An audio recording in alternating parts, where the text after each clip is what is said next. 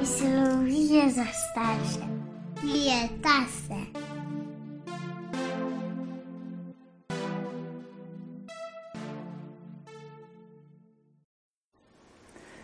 Dobrodošli v današnjem podkastu z naslovom Separacijska tesnoba pri mami, pri materah. Spet sva z vami Tinkara in Pavel. Živijo. In bova danes mal drugače zastavila tole.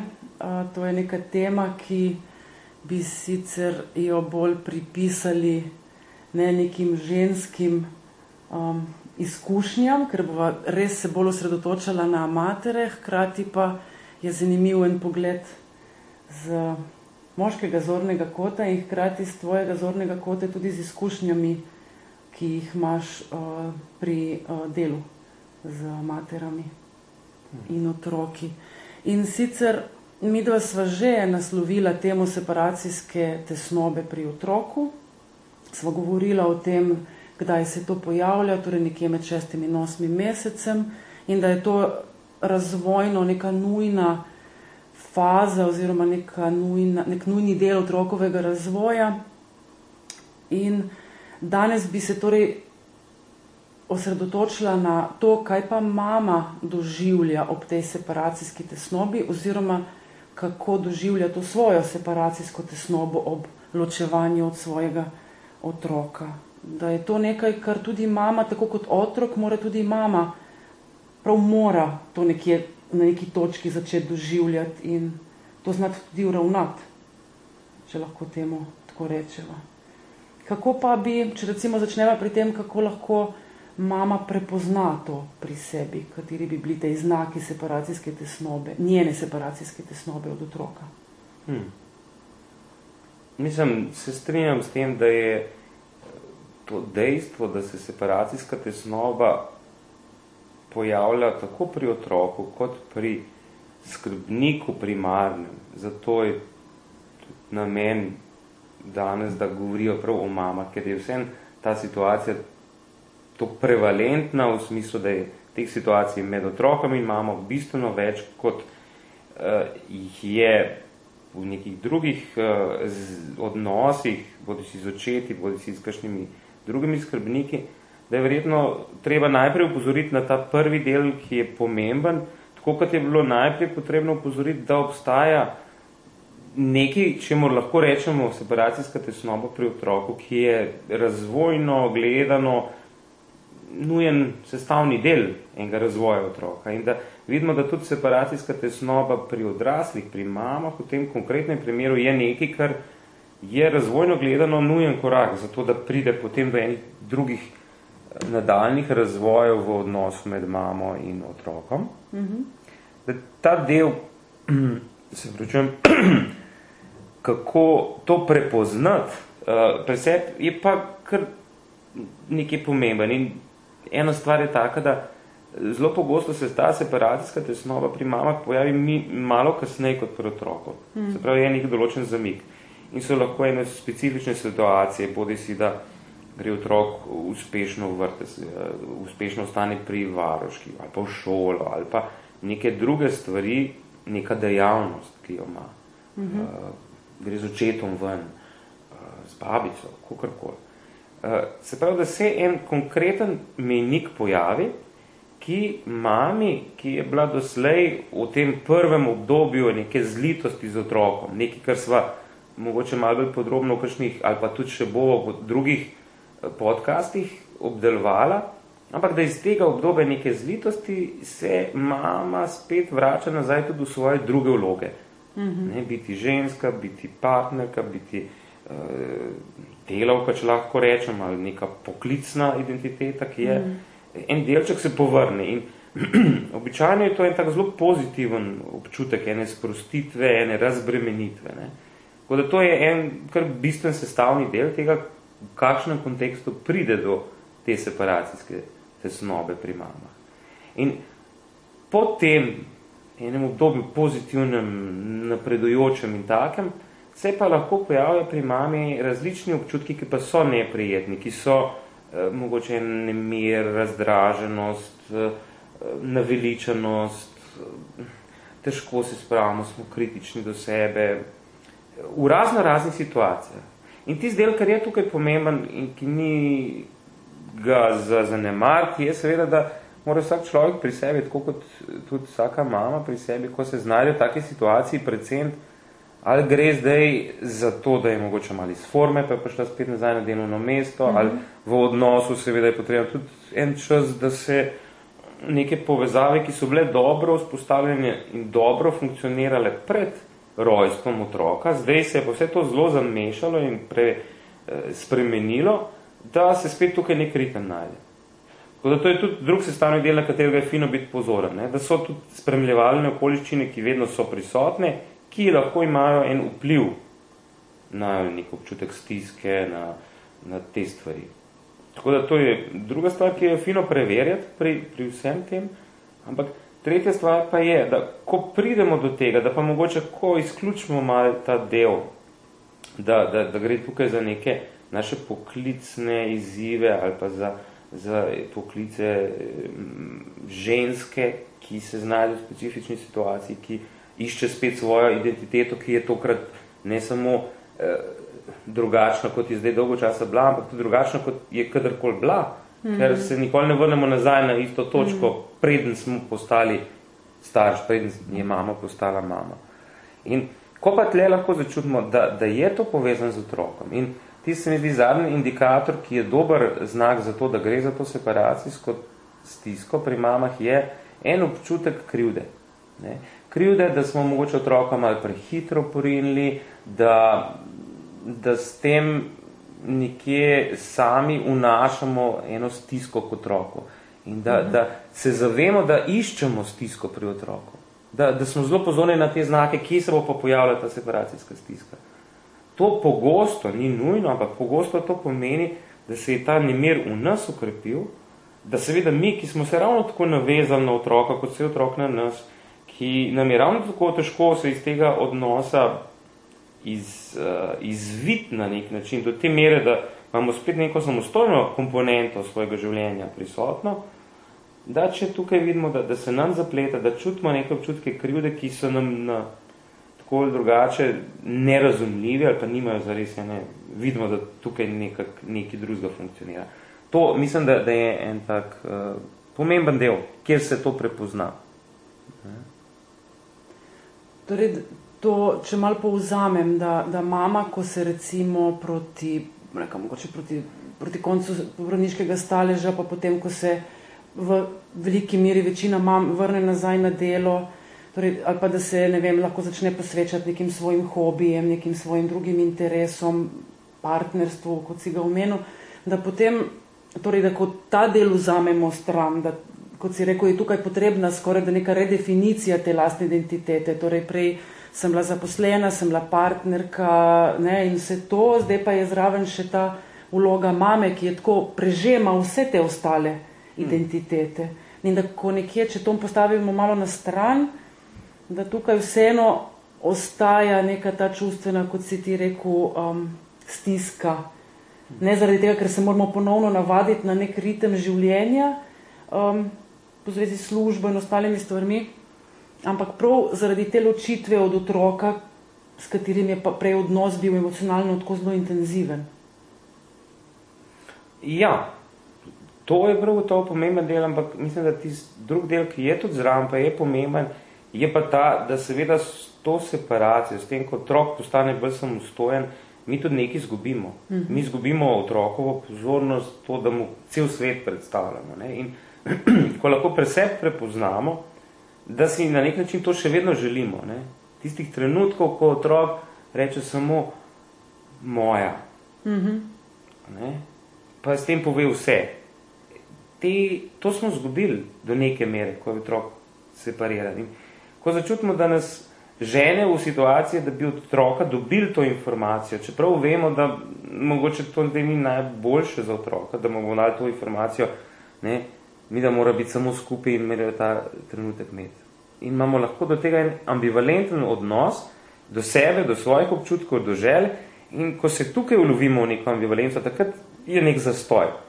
In tisto, kar je pomembno verjetno v tej perspektivi, ko govorimo vseeno o odraslih osebah, o mamah v tem primeru, razlikovati glede na to situacijo z otrokom je, da tukaj gre sicer za en moment, ki se v neki točki pojavi, tako kot se v določeni točki separacijska stiska pojavi pri otroku, uh -huh. ampak da ni tako razvojno pogojen kot pri otroku. Se pravi, to se pojavi. Zdaj, kdaj in na kakšen način bo pa odrasla oseba te občutke predelala, inkorporirala v odnos ali kakorkoli že, jih na nek način spet vrnila v otroku, ki bo lahko iz tega eno izkušnjo potegnil, to je pa lahko stvar nekaj mesecev, stvar nekaj let, lahko pa v določenih težavnih situacijah se pa seveda zgodi, tako kot se lahko v otroškem razvoju zgodi, da se nekaj zatakne v razvoju, ki je potem kost in težava še dolga leta zatem. In tudi v odnosu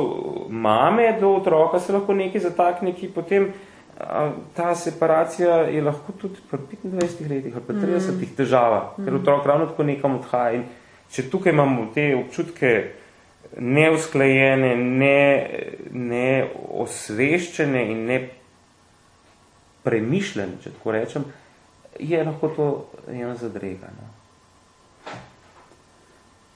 Če si poskušam zdaj zamisliti, mogoče kakšen konkreten primer, da se lahko to zgodi recimo pri manjšem otroku tam, kaj se, star okrog enega leta, ko se sam zaigra za en določen čas in po eni strani potem mama občuti eno olajšanje, ker se lahko ona posveti nekim drugim svojim opravkom, hkrati pa se potem kar enkrat tega zave in pomisli, aha, zdaj se ta otrok sam igra in se sploh ne ozira na to, kje sem jaz in ne pride do tega momenta, ko si rekel, o, mama moja. Lahko se to zgodi kasneje, ko je mogoče otrok, ne vem, že pred šolo ali pa na začetku šole, se zmeni s svojimi prijatelji in se z veseljem z njimi dobi in z veseljem z njimi preživlja čas in ne z mamo, naprimer, ali pa starši v tistem času že, no, tako. Ali pa, kot si rekel, pri 25 letih, ko gre lahko, kaj bo rekla, ne vem. Študira tudi no, tako.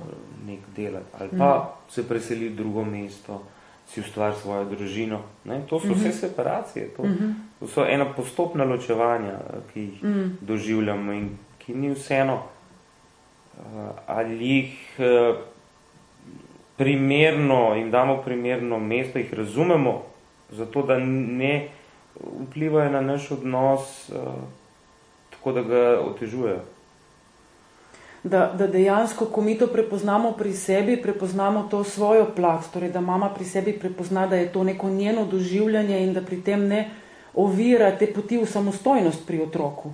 Ali je to pri enoletniku, ali je to pri šestletniku, seveda govorimo o zelo različnih oblikah samostojnosti, ampak da zna prisluhniti s tem, kar sama doživlja tudi m, kot nek znak o tem, kaj se dogaja v njunem odnosu in kaj se dogaja v tej samostojnosti, ki jo otrok potrebuje potem enkrat.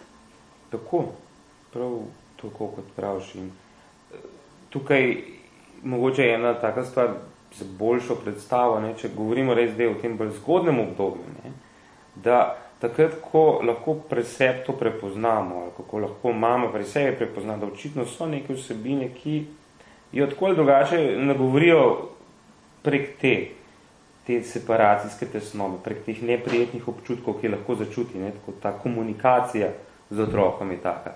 Je, je prva stvar to, da je fino, da tega pred otrokom ne skrivamo. Mm -hmm. Zato, ker eh, tako kot mi sami šele prek telesa začutimo to, prek naših občutkov začutimo, kaj se z nami dogaja in lahko to prepoznamo kot separacijsko stisko pri nas samih. Uh, tako tudi ta komunikacija, kot smo že kdaj omenila z otrokom, v tej prvi fazi poteka predvsem prek neke telesnih znakov, govorice, delov, komunikacije. Se pravi, da otrok to začuti. Ne? To ambivalenco v nas, te občutke krivde, te občutke stiske, otrok v nas prepozna. In če mi to pred otrokom skrivamo, pomeni samo to, da, da se pojavlja v glavi od otroka ena zmedena mm. slika tega, kaj je, kar mm. sigurno ne pomaga otroku. Sprav, da dosti boljše je, če to prepoznamo pri sebi, da lahko o tem odkrito spregovorimo z otrokom. Povemo, glej, jaz te pa pogrešam in sem te pogrešal in mm, je to tudi en del, ki je tukaj. Hkrati seveda ne pozabimo na to, kar sva že poudarjala, ko skušamo otroku eno separacijsko stisko olajšati, da mu pokažemo tudi ta del, da bo zmogel otrok. Seveda je prav, da mi tudi otroka v, v primeru naše separacijske stiske opozorimo na to, da seveda bomo zmogli, da to razumemo, ampak da tako čutimo ne? in da s temu pokažemo, da nismo popolni, da, da smo ravno tako ljudje kot vsi in da je to nekaj, na kar je fino, da smo pozorni, ni pa nekaj, kar bi nas omejevali. Mm. Da to tako, na tak način predstavimo. Vse je še vedno prav, da ti nekam greš, še prav je, da tako delamo, kot je. Ne? Sam, kaj pa lahko naredimo? In iz tega mogoče en drug korak, ki je dost logičen in dost učinkovit ponavadi uh, izhaja, in ta je, da lahko v, v svojem odnosu ta čas, ki ga imamo z otrokom, boljše definiramo. Da definiramo, kdaj pa mi čutimo, da ta stik z otrokom nam je potreben, da rabimo ta občutek ene povezanosti večje in to.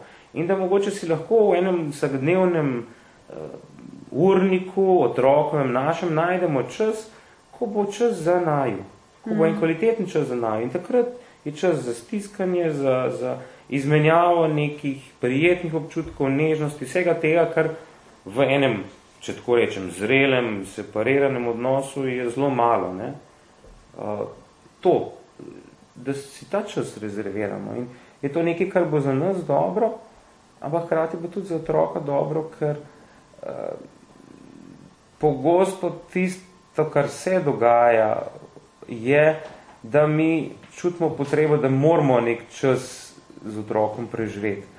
Ampak, da če to naredimo tako malo v eni paniki, na silo, mm. se zelo dostakrat zgodi, da ta čas je prazen čas, da smo mi lahko tri ure skupaj, pet ur skupaj, pa to nič ne prinese, ne otroku, ne nam. Če pa mi znamo en kompromis tukaj narediti, ki je znak neke zrelosti in je znak tudi tega, da s to separacijsko stisko, ki je prisotna na en zrel način, se soočamo, da jo mal predelamo. Potem smo s tem sebi in otroku zelo pomagali, ker smo en, nekaj se je zgodilo in lahko naš odnos boljši in omogoča to separiranost, ampak hkrati pa tudi razvojno gledano uh, pomaga k temu, da, da je ta odnos bolj bogat in bolj realen za nas in za mhm. otroka. S tem otrok dejansko dobi eno sporočilo, da ni nič narobe, če so odnosi tudi taki, da čutimo to tudi kasneje v življenju. Da so to neke situacije in neka doživljanja, ki jih je mogoče najprej prepoznati in tudi zdržati. Ja. Mm, nekako me tudi spomne na nekaj, kar sva omenjala v eni prejšnjih oddaj, tako kot sva omenjala predvsem za otroka, da se ne, da potrebuje nek čas, da se znova napoji te prisotnosti mame in tega občutka varnosti. Seveda pri separacijski tesnobi mame ne govorimo o nekih tovrstnih doživljenjih, ampak da tudi v tem kvalitetnem, kot si omenja, v njunem druženju, tudi mama dobi nazaj neke te informacije, recimo, da je otrok v redu, da se znajde, da je varen, ne? tudi takrat, kadar njeni zraven, da, um, je dobro za njega poskrbljeno. Spomnil si me na eno vprašanje, ki sem ga nedavno nazaj dobila od očeta, enega očeta, ki je me vprašal nekaj v smislu, kako je zdaj s tem igranjem z otrokom, a je res smiselno, da se enkrat na dan starš odloči in da se z otrokom igra, če ni to prisiljeno na nek način. In to je točno to, o čemer si ti govoril, da je treba vseeno tle poslušati neke te bolj subtilne namige med, v tem primeru, mamo in otrokom, ki se zgodijo, ko otrok pride do nje z neko igračo, če govoriva zdaj o mlajših otrocih. Ali pa mogoče starejši otrok, ki pride do mame z neko zanimivostjo, ki se je zgodila v vrtu ali pa v šoli, in da je to nek namik, nek, neka pobuda za nek njun um, kontakt v tistem dnevu, recimo, no? nekako tako. Ja.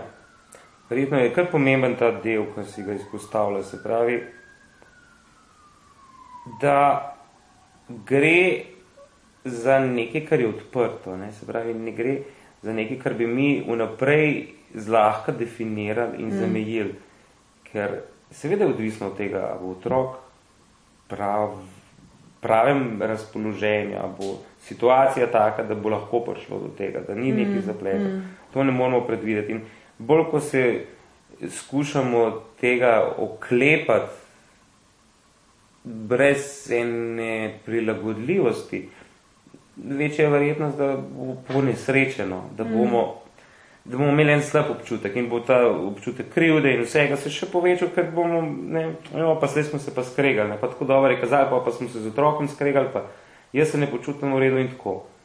Ta del in tisto, kar verjetno pa tudi ne gre pozabiti, kako je to pomembno zdaj ne samo za ta naš odnos z otrokom, to, da mi prepoznamo in pravilno umestimo ene svoje občutke težke, s katerimi se soočamo, ko smo ločeni od nam pomembnih oseb, s tem, da znamo lažje tudi razmejiti ta del od naših drugih odnosov v življenju, ne? partnerskih, poslovnih, prijateljskih, ne? družinskih. Ne?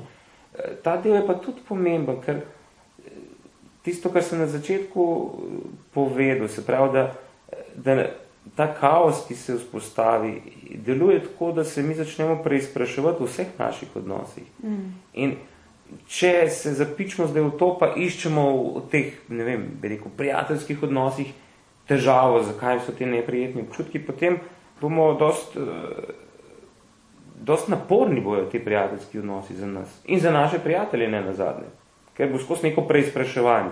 Podobno je lahko s partnerstvom. Ne. Če se vse te občutke, se jih mal ne soočimo z njimi, ampak jih samo odrinemo stran v nek odnos, mm. potem bomo tam videli težavo in tista težava nas bo spremljala skozi. Težko se jih bomo znebili. Mm. Če pa naredimo to, potem pa so tisti odnosi dosti bolj neobremenjeni ponovati. No. To je pa en stranski, uh, stranski proizvod tega ki pa ni tako slab. Najbrž pred, predvsem zaželen. Mislim, da ja.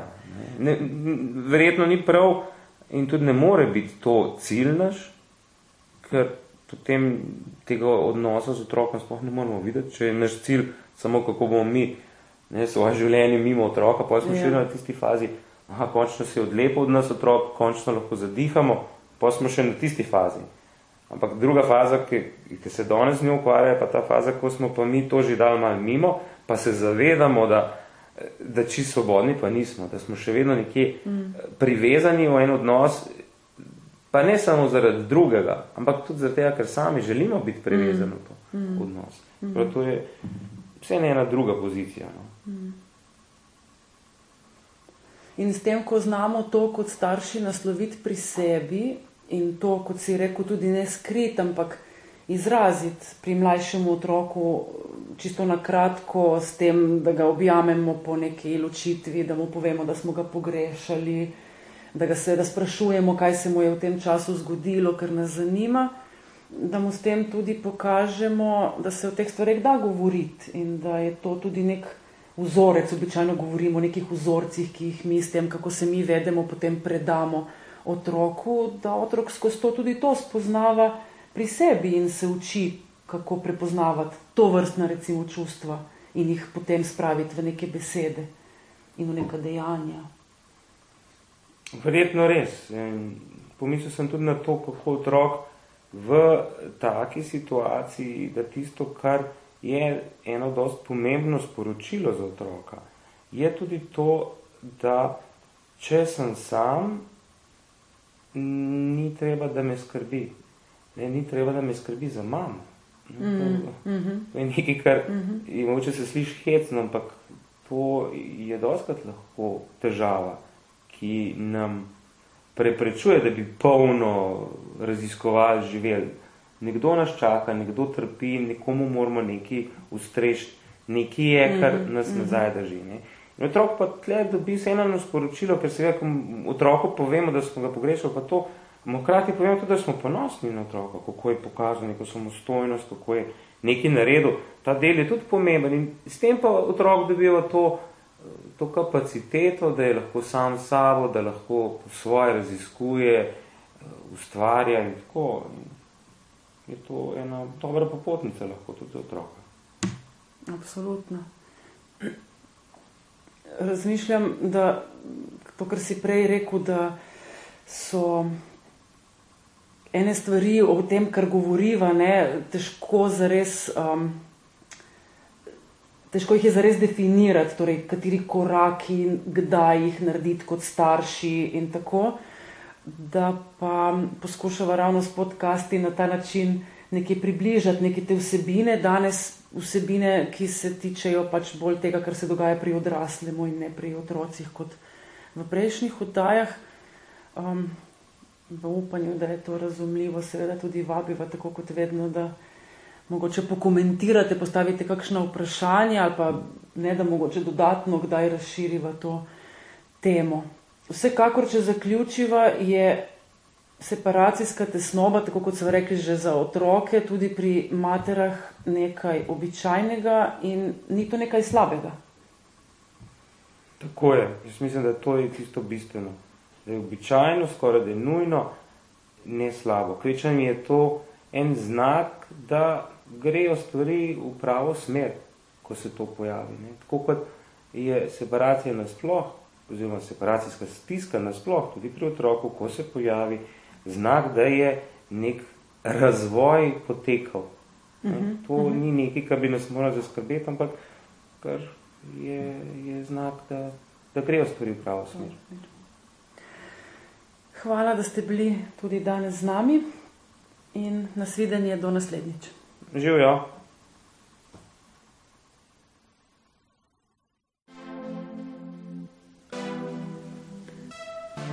Hvala za vaš čas. Vesela bova vaših odzivov na družabnih omrežjih in deljenja psihologije za starše z vsemi, ki jih to tudi utegne zanimati.